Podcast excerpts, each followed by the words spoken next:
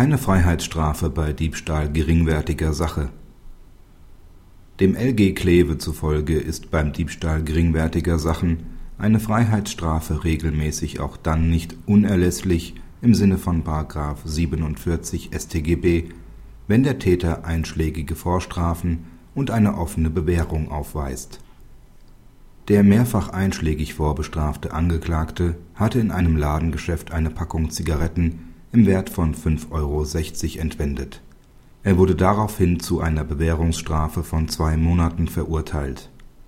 Das LG Kleve hat das Urteil in der Berufungsinstanz aufgehoben und den Angeklagten zu einer Geldstrafe von 100 Tagessätzen verurteilt.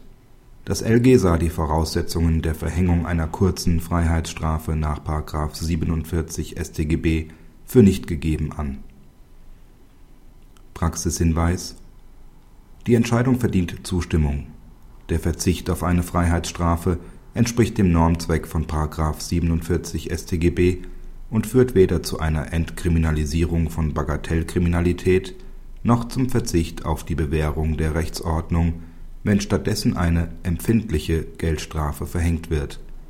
Das LG Kleve geht hier allerdings noch von einer Geringwertigkeitsgrenze von 25 Euro aus